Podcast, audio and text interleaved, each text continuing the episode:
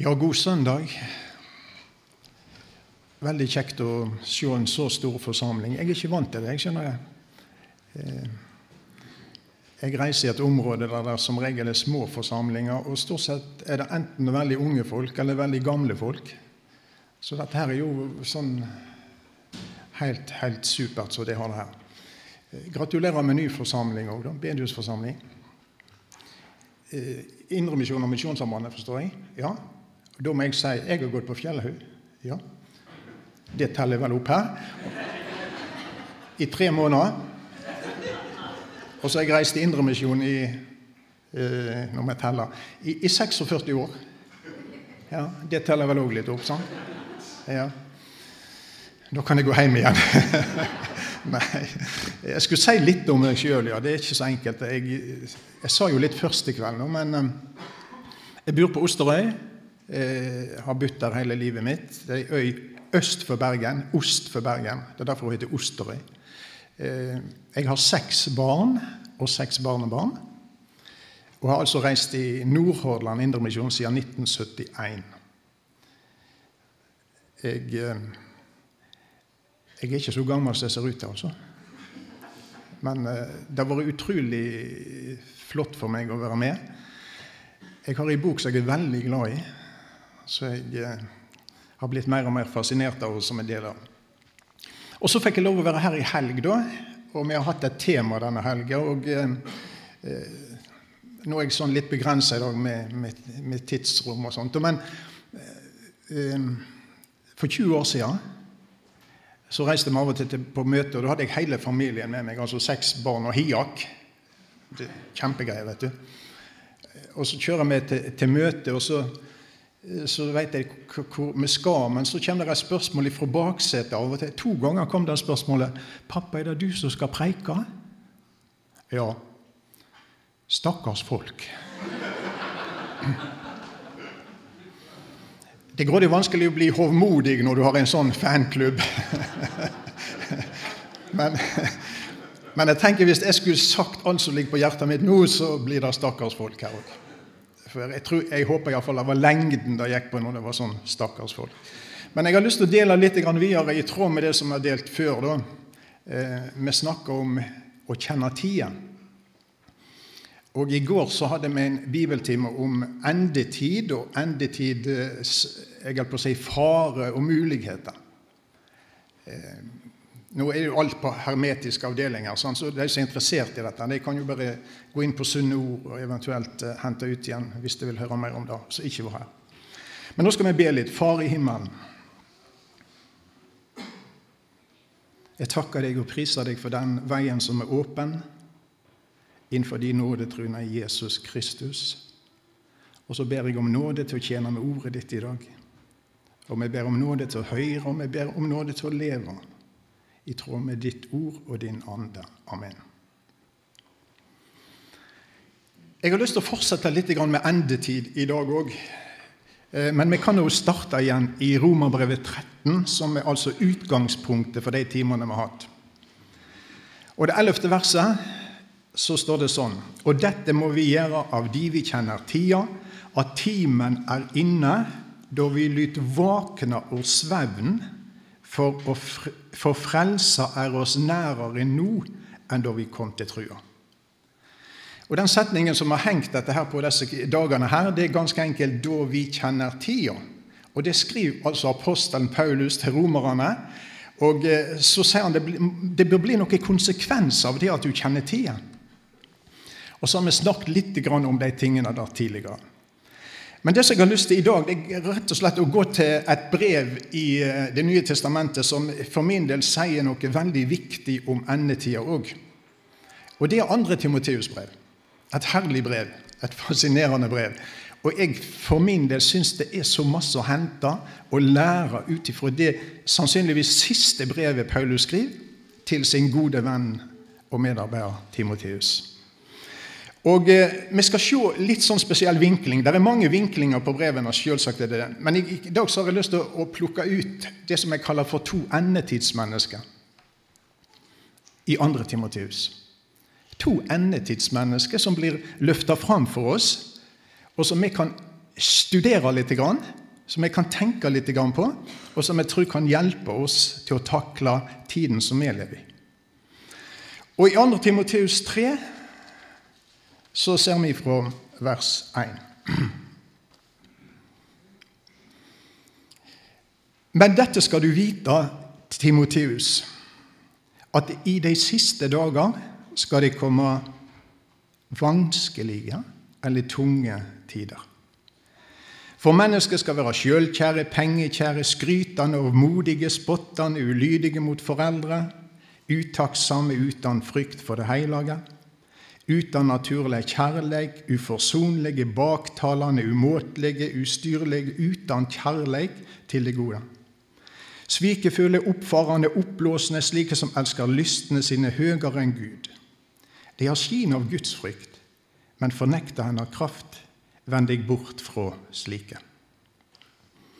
Så skal vi gå til vers 17.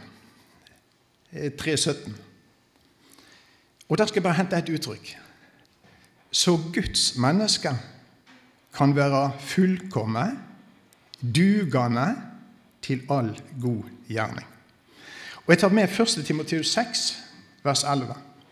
Og Så skriver Paulus til Timoteus.: Men du, Guds menneske, holdt deg fra alt dette. Og da ser du her er snakk om to, to, forskjellige mennesker. Det ene endetidsmennesket det begynner Paulus å male i kapittel 3 og, og, og, nedover. Og jeg vet ikke om du hørte, Det var jo forferdelig beskrivelse av et menneske, var ikke det? For mennesket skal være Og så kommer det et maleri av et endetidsmenneske. Og Han bruker penselen ca. 20 ganger, og han har kun svartmaling.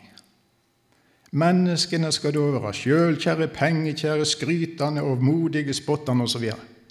Ulydige mot foreldre. Du kan jo se litt på det der uttrykket og de ordene, og så kan du se Dagsrevyen en kveld. Eller du kan se rundt deg i verden. Er det noe som mangler? Har du vanskelig for å observere sånne folk? Og Vi kunne jo sikkert hatt mange bibeltimer om disse ordene og uttrykkene. Jeg vet ikke hva som egentlig sjokkerer deg mest her, men det er jo så masse negativt her. Sant? Hva er det som skjer med dette? Altså, endetid, Jeg sa jo endetida begynte jo allerede på Paulus eller Jesus sitt tid. De siste dagene begynte allerede da. Den siste tid begynte allerede da. Men det blir jo ikke bedre mot slutten. Og For meg ser det jo som det skjer noe i åndens verden i dag som har en forunderlig evne til å likedanne folk. Jeg tror vondskapens ånd er her i himmelrommet setter inn gjennom alle kanaler den kan for å få oss like. Og få menneskene negative. For det til å passe med svartmalingen som Paulus bruker. Og Jeg synes iallfall det har utvikla seg kolossalt mye på 30-40 år i dette landet. Tenk f.eks. på et ord som gudsfrykt. Når jeg var guttunge, så hadde alle respekt for folk. Altså, det kom hagler med bergensere til Osterøyene i, i, i, helgene og i somrene. Men det var aldri noen som jobba på en søndag, f.eks. Altså, de hadde respekt for de der tingene. De hadde respekt for de hellige tingene. Og i dag altså, er jo alt et virvar. Ingen forskjell på dag og Gudsfrykt. Hvor er gudsfrykten blitt av? Ja, de har skyen av Guds frykt. Altså, det er noen som ser ut som altså, de tar disse tingene alvorlig, men kraften er vekke.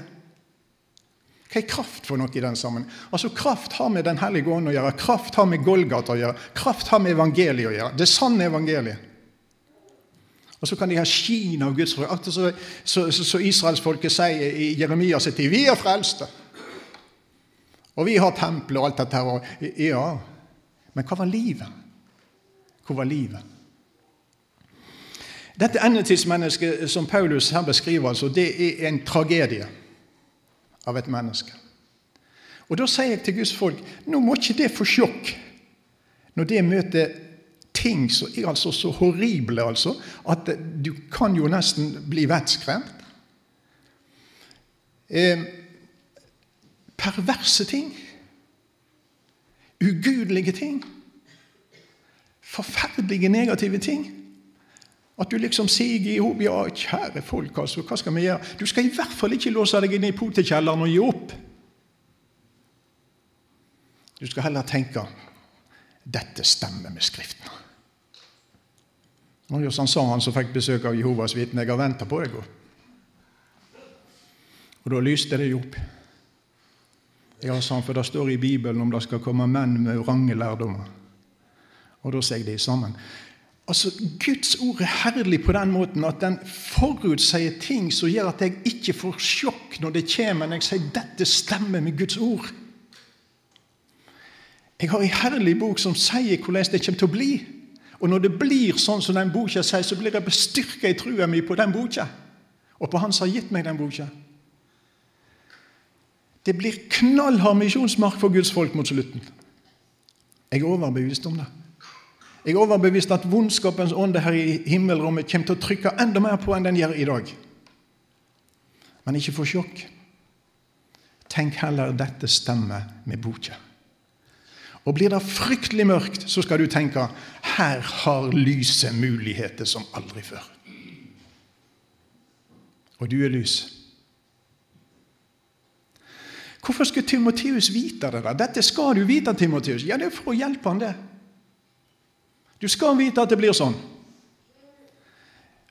Og så var det litt forvirring allerede da. sant?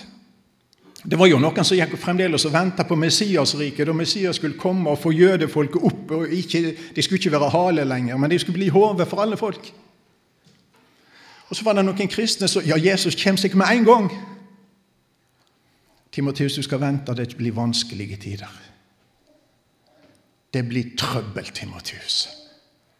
Du får trøbbel, Timoteus. Vet du hva Timoteus betyr? Altså, Det er et sammensatt ord. og Jeg er ikke teolog, og sånt, men jeg leser jo litt. Og så, Timo og Teus Det ene betyr Gud, eller har med Gud å gjøre. Det andre har med ære å gjøre. Og De som omsetter dette navnet til norsk, det vil si 'den som ærer Gud'. Eller noen sier 'den Gud ærer'. Og det kan jo være en sammenheng, det. Men du, Timoteus, du som altså skal være, ha så flott navn Du skal være et sånt kar, du, som ærer Gud uansett tid, uansett motgang, uansett trøbbel. Så skal du, Timotius, være en sånn som kan bringe Gud ære. Og det kan du altså om alle går imot deg, om alle forbanner Gud, så kan du likevel være et kar som ærer Gud. Herlig. Og Da sier jeg det er ikke bare elendighet i framtiden, folkens, men det er muligheter. Det er mulighet fordi at Jesus har sagt det skal være med dere. Jeg skal være med dere helt til sist til slutt. Ikke til, til det verste i endetida begynner, altså. men jeg skal være med helt til verdens ende.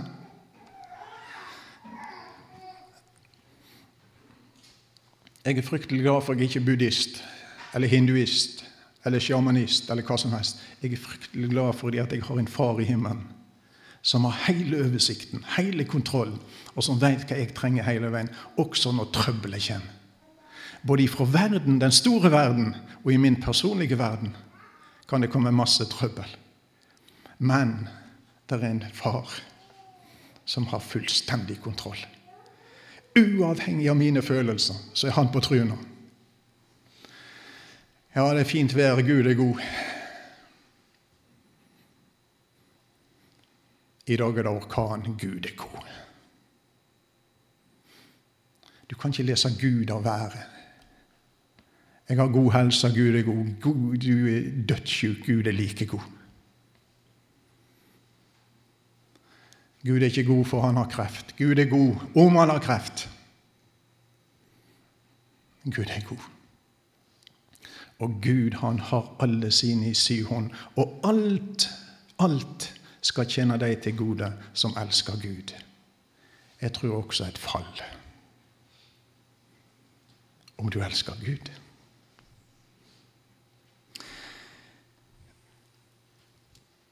Jeg må si litt om det andre endetidsmennesket, for det er, det er, så flott å få lov å, å si litt om det. Altså Det som sto til slutt i det tredje kapitlet, det var ikke et svart endetidsmenneske, men det var du, Guds menneske, sa han i 1. Timoteus 6. Og her står det så Guds menneske kan være fullkomment dugende til all god gjerning. Herlig. Eh, det svarte, negative, ugudelige, verslige endetidsmennesket i starten på kapittelet og i slutten på kapittelet noe altså som heter Guds menneske. Og Timoteus var et sånt Guds menneske. Hva er det for noe? Ja, det er mennesket som Gud eier. Som Gud har bruksrett til. som Gud har eiendomsrett til, og som altså kan, midt i dette virvaret av åndskamp og åndskrefter og verslighet og ugudelighet, så kan disse gjøre en forskjell. For dette er et annerledesmenneske, dette er et kontrastmenneske til det svarte endetidsmennesket som han altså begynner å beskrive i kapittel 3. Du, Guds menneske, og du kan være I, i min bibel står det vel 'fullkommen'. Sant? Fullkommen. Det høres jo nifst ut, nesten. Ja, ja, jeg er nå ikke fullkommen, sier vi. Du er ikke syndefri, men du kan være fullkommen på den måten at du når opp til det målet og den tanken Gud har tenkt med livet ditt. Fullt utrusta, tror jeg det står i noen av de nye biblene. Du fullt, kan være fullt utrusta til all god gjerning. For noen enorme muligheter! Og jeg tenker, som jeg sa litt om i, går altså i bibeltimen, det blir masse virvar framover. Det er min personlige overbevisning, og det får korrigere meg hvis jeg tar feil. Jeg tåler veldig godt kritikk, jeg tåler veldig godt rettledning. Men jeg ser for meg en haug av villfarelser som strømmer innover folket vårt og landet vårt nå. Også innenfor kristne sammenhenger. Men det er enorme muligheter samtidig. Da kan du være et sånt Guds menneske som kan være annerledes. Og du kan bli i stand til å si 'dette er ikke sant', og 'dette er løgn'. Og du kan være i stand til å si at du er en falsk profet fordi at du opptrer på en måte som ikke er sann, og du sier noe som ikke er sant. Og det er masse profeter i vår tid som jeg kaller for bomprofeter. Fordi at de står opp og forkynner ting, de profeterer ting, og det skjer ikke. Men de er velkomne igjen neste år. Bomprofeter. Og, så sier disse folkene du skal ikke være kritisk, du skal ikke, du skal ikke si imot disse tingene. Du skal være kritisk. På den måten at du skal overveie ting. Det er jo det som betyr å kritisere. Du skal overveie sak, du skal vurdere en sak, og du skal kunne si 'dette er sant, og dette er galt', 'dette er edelt, og dette er søppel'. Hvis ikke Guds folk kan skille mellom søppel og gull, så er vi et kjempeproblem. Du, Timoteus, kan være et Guds menneske. Altså, Gud har planta deg her. Og Gud har planta oss kristne her. Og så skal vi være noe for Gud. Midt i vonde og vanskelige endetidstider. Ville tider, står der i en bibelomsetning. Det skal komme ville tider, og de har med åndskreft å gjøre. Det skal komme forføreriske tider. Og så planter Gud deg her, og så sier han nå skal du være noe, noe annerledes for meg, og nå skal du virke her, og nå skal du tjene meg. Og nå har du ei knallhard misjonsmark, men jeg skal passe på deg. Far, jeg ber ikke at du tar deg ut av verden. Tenk om Jesus hadde gjort det. Tenk om Jesus hadde bedt 'Far, ta deg ut av verden nå'. Han hadde ikke vært en kristen på Via da. Jeg ber ikke at du tar deg ut av verden, men jeg ber at du varer deg fra det eller den vonde. Du skjønner det at når du er her, så er det fordi at Jesus vil ha deg her.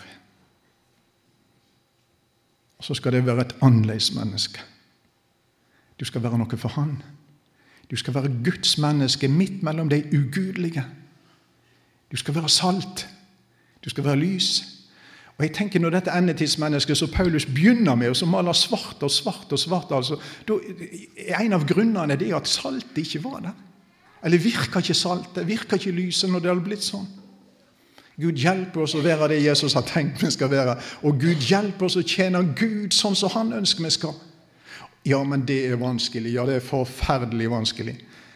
Men Gud har gitt oss enorm hjelp. Kolossalt hjelp. Og da har vi stoff til fem bibeltimer på det, altså. Men nå skal jeg bare ta et par ting av denne herre enorme hjelpen som Gud har gitt oss. Vers 17. Sant? Så Guds menneske. Men det henger sammen her. Vi kan ikke bare rive ut det ordet, fordi det henger på noen andre ord. Og vet du hva han sier? Nå skal du høre hva han sier rett før her. Vers 14. Men bli du, Timoteus, værende i alt det du har lært og overbevist om. Noe av det som kjennetegner det som skjer i vår tid, det er nye ting. Det er nye ting. Det er jo ikke nytt. Skal altså folk komme, så må du ha noe nytt. Og du må ha noe på en måte sensasjonelt, og det må være noe som gir folk opplevelser av ting. Ja, blir du værende i det, og en ny lærer. Eh, og noe av det nye som kommer inn, det er at nå er det òg tillegg til Bibelen. da. Så altså vi, vi skal liksom ta med. Nei, blir du værende i det du har lært og overbevist om, for du veit hvem du har lært det av. Ja, Timoteus, hvem har du lært det der av? Ja, Han hadde en mormor, og så hadde han en mor, og så hadde han Paulus, og så har han Gud, og så har han Den hellige ande. Så der er mange læremestere. Du vet hvem du har lært det av. Han har ikke lært av falske profeter. Og Helt fra barndommen kjenner du de hellige skriftene som kan gjøre deg vis til frelse ved trua på Kristus. Jesus. Herlig. Halleluja på, på godt nynorsk, altså. Tenk ifra barndommen av å kjenne de hellige skriftene. Jeg gjør det òg. Jeg takker Gud inderlig, og mer og mer dess eldre jeg blir, fordi at jeg kom tidlig inn i disse tingene. Hele livet mitt har blitt annerledes. Og så står det fra vers 16. Nå skal du høre. Hele Skrifta er innanda av Gud. Dette er et av mine kjernevers. altså. Jeg blir aldri ferdig med det. Fordi at jeg mener det at den boken som er mest undervurdert i vår tid, er Bibelen. Og nå snakker jeg ikke om verden, nå snakker jeg om Guds folk.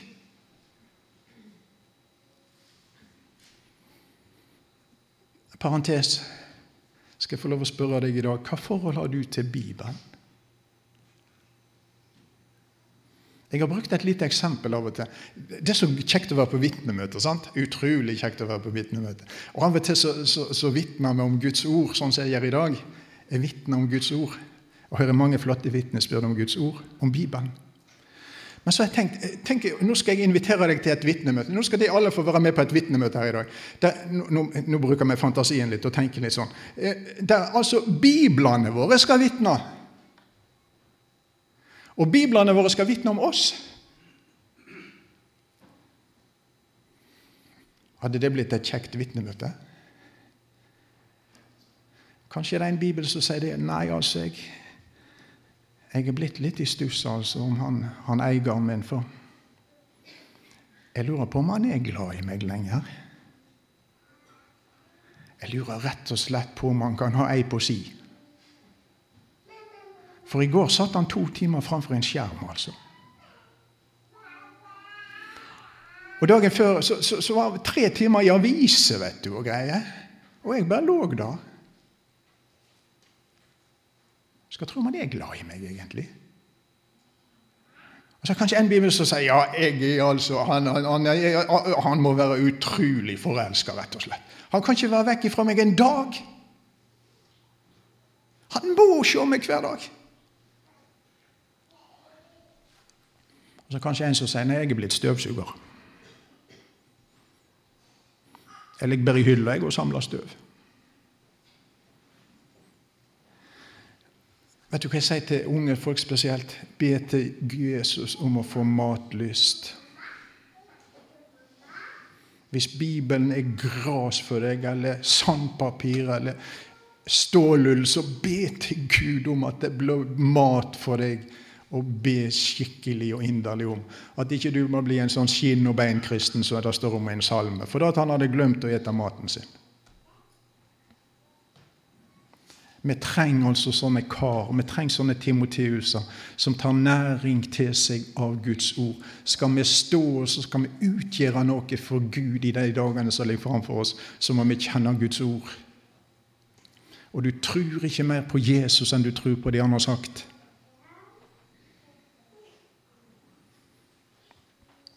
Hele Skrifta er innad av Gud og nyttig til. Nyttig til. Og så kommer det fire ting, og det er fire bibeltimer. Det der skulle jeg likt å slått opp alle sånne teologiske fakultet og eh, skoler og, og Hele Skrifta er innanda av Gud og nyttig til, for i dag sier de det er ikke nyttig. Vi kommer kommet lenger. innanda av Gud, og det som Gud har pusta inn, skal ikke du blåse av. Nå kan ikke jeg gå i detaljer her, men det som Gud har pusta inn i det liv, akkurat Adam fikk liv når Gud pusta inn i han. Så han pusta inn i sine bøker, i 66 bøker. Han pusta inn, og så er det guddommelig liv. De ordene jeg har talt, er ånd og er liv. Så hvis du skal bli en åndsfylt og livlig kristen, så må du ta inn ord. Nyttig til lærdom, til overbevisning, til rettleding, til oppseding, oppdragelse, i rettferdighet. Så Guds menneske kan være. Ser du hvordan han henger det på Guds ord?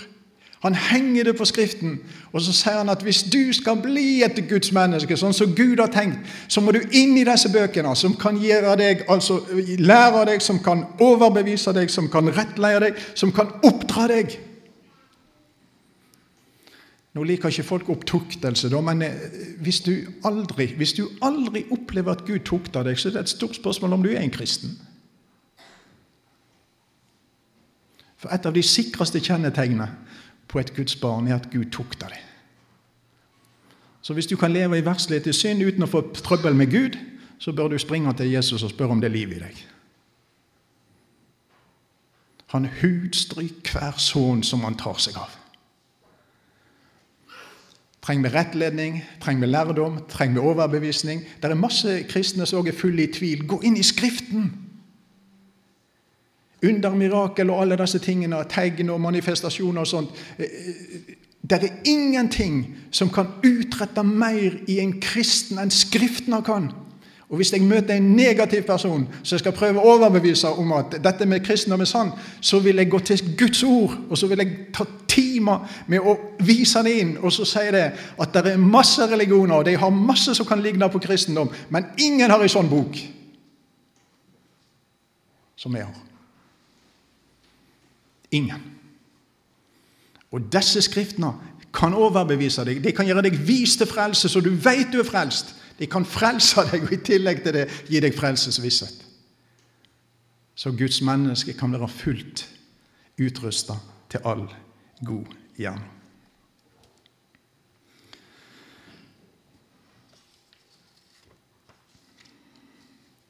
Og så er det mange, mange flere ting som Gud hjelper, som vi kan være altså Guds menneske i denne tida. Jeg skal bare nevne stikkord til slutt. Hvis vi går til starten på 2. Timoteus brev, kapittel 1, så skriver Paulus i vers 7.: For Gud gav oss ikke ei ånd som verker motløsa.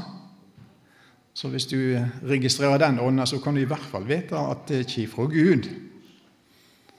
Kommer, men det er ånd, altså. Det òg. Ifra fienden. Men Gud gav oss ikke ånd som virker motløse, men ei som virker. Nå skal du høre hva den ånden virker som Gud gir. Kraft, kjærleik, visdom. Trenger du det? Jeg trenger det hele veien.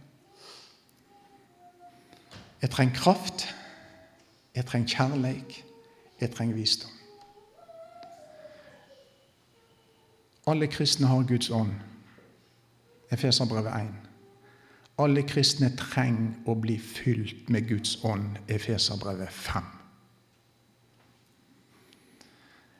Og En søndag jeg var her tidligere, så prekte jeg ut fra Efeserne 5,18. Vært fylte med Den hellige ande. Og De som er interessert i det, kan bare gå inn og, og kikke på hermetikken der også. Men det som er umåtelig viktig å vite. Vet du hva det er? Det er at Guds ånd ikke er gitt oss for at vi skal sveve på en plattform eller bli hysteriske eller ekstreme. Guds ånd er gitt oss for at vi skal leve som hverdagskristne og tjene hverandre i ånd og sannhet.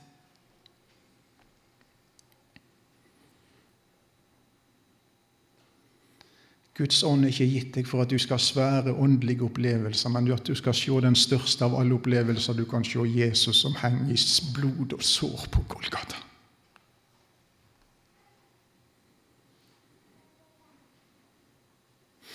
Og jeg føler Guds folk, vi trenger korrigering i vår tid.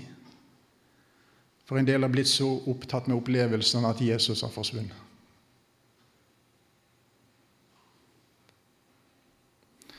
Det må være mye på Golgata, folkens.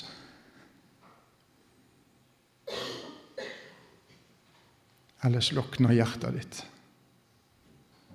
Og du blir bombardert med verslighet hele veien. Få inn litt himmelskhet. Det er god medisin imot verslighet. Og frelser oss nærmere nå enn da vi kom til true. Det er ikke så langt igjen.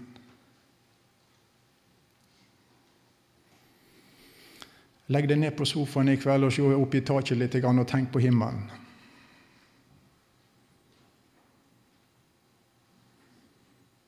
Tenk på når du stiger over dørstokken. Du har tid til det, og du har godt av det. Den hellige ande, viktig, uhorvelig viktig for oss som vil tjene Jesus som Guds menneske i denne tid. Og så er bønn viktig, og det preker han om i første Timoteus brev. Bønn framfor alle ting. Ja, vi putler nå på litt, og så ber vi litt til slutt. Nummer én, sier Paulus til Timoteus, bønn. Og de visste det. Og de hadde lært det. Og de praktiserte det. Og så får vi 400 på konsert, og så får vi fire på bønnemøte.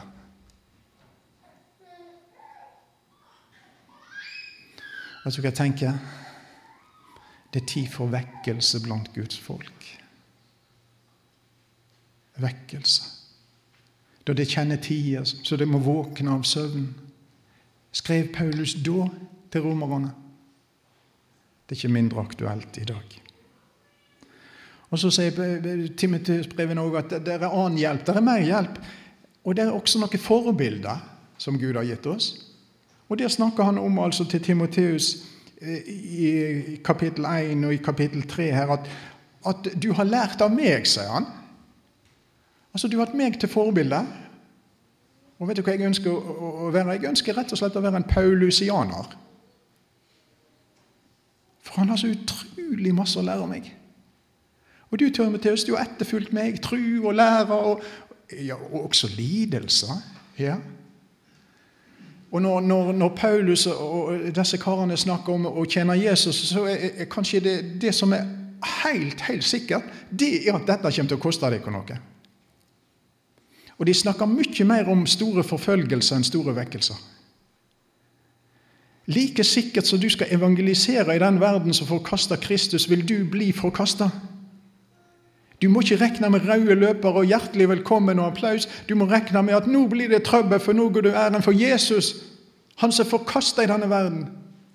Og du har etterfulgt meg òg i lidelse. Og liv vondt, liv vondt, liv vondt. Jeg ber til Jesus om å tåle litt mer.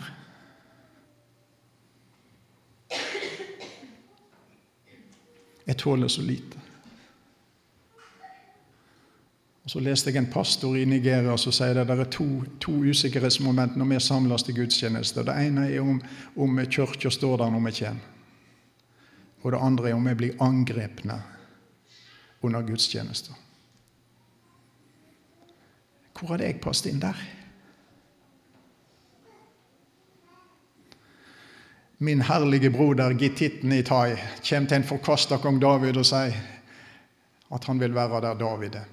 Enten det fører til liv eller død, der du, Herre Konge, er der og ingen annen plass vil tjeneren din være. Herlig. Jesus lover oss å gi gull og grønne skoger og herlighet og glede og alt det. Jesus lover oss trøbbel. Blir du med?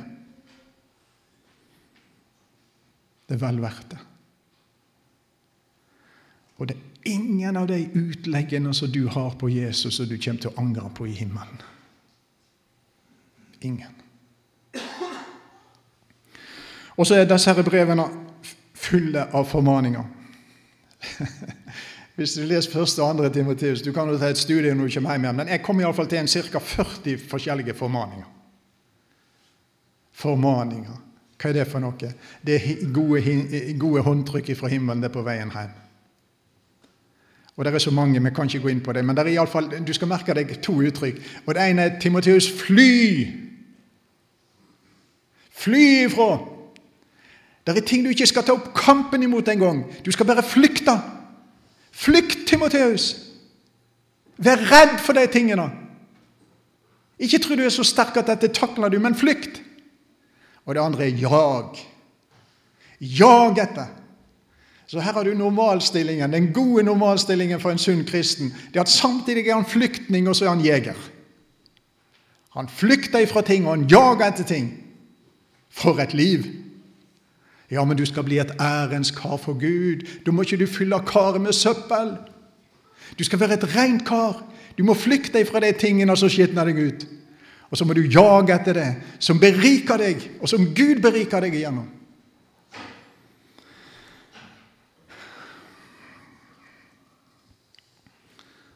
Og så er det et uttrykk til som går igjen tenk. Tenk. Timotius, tenk. ja. Kom i hug. Og det skal føre til framgang, Timotius, i livet ditt. Det skal føre til at du får forstand. Tenk. Og vet du hva? Jeg sier, Det høres litt løye ut, men Guds folk tenker altfor lite og føler altfor mye.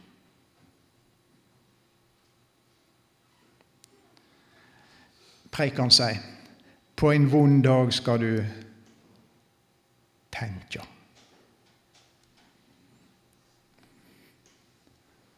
Det kommer vonde dager. Og Da skal ikke vi bare tenke, men da skal vi tenke rett, sånn som Gud vil lære oss. Hva skal jeg da tenke? Da skal jeg tenke at Gud har stempla denne dagen og godkjent den. Det trøbbelet som nå rammer meg, det har Gud stempla og godkjent. Og så liker jeg det ikke. Men hvis jeg tenker istedenfor bare å føle, så blir det hele litt annerledes. For da tenker jeg sånn som jeg sa innledningsvis Gud er god i dag òg, Gud er god på den vonde dagen. Og så får jeg lov å leve i trua på Han da òg. Og så helt til slutt Ja, pappa, du er blitt gammel, sier de, for du slutter så mange ganger når du preker nå. Det er noe med det gamle predikanter. De slutter grådig mange ganger. Men nå skal jeg slutte for siste gang, og så skal jeg bare lese altså ifra 2. Timoteus 4.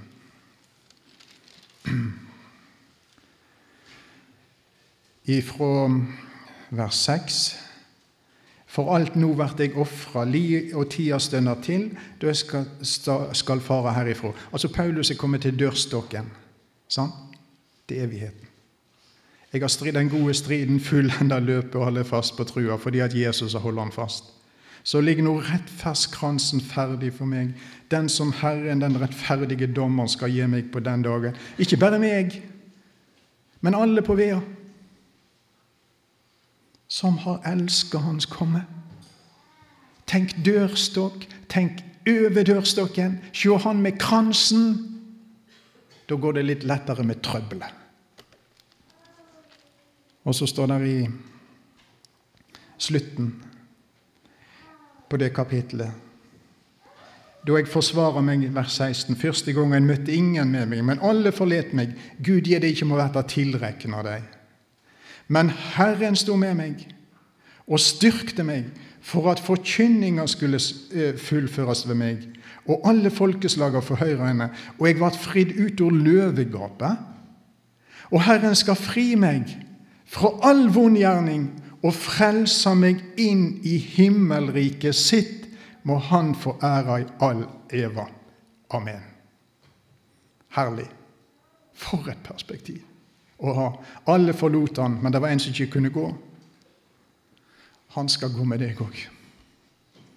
Midt gjennom endetids kaos og forvirring og trøbbel så har han sagt 'Jeg skal være med deg'. Og så skal han fri oss ifra all vond gjerning. Og det er alt som syndefallet har ført inn i vår verden. Det skal han fri oss fullkomment ifra. Går det, å, går det, an å, finne på noe bedre? Går det an å filosofere ut noe bedre enn det Gud har tenkt for sine? Gud velsigne deg på resten av veien til å bli en Timoteus, et Guds menneske. Far.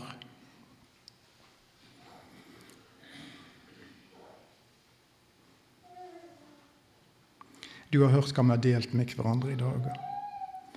Jeg har bare lyst til å be deg om at du må hjelpe oss med disse tingene. At det ikke bare blir teorier for oss, men at det blir det livet som du har tenkt at vi skulle leve. La oss få lov å være kar til de her, litt mer nyttige resten av livet vårt enn vi har vært i dag. Må du gi oss masse nåde til å tjene deg på en god måte. Hjelp oss å ta oss av hverandre. Hjelp oss å oppmuntre hverandre. Rettlede hverandre, korrigere hverandre. Forkynne ordet, sa du gjennom apostelen til Timotius. Enten de vil høre eller de ikke vil høre, sa du til Esekiel. Forkynn ordet. Hjelp oss med det. Og så gir vi deg takk og tilbedelse og ære. For det er du som skal ha all ære og all takk og all tilbedelse før all tid, og nå og i all evighet. Amen.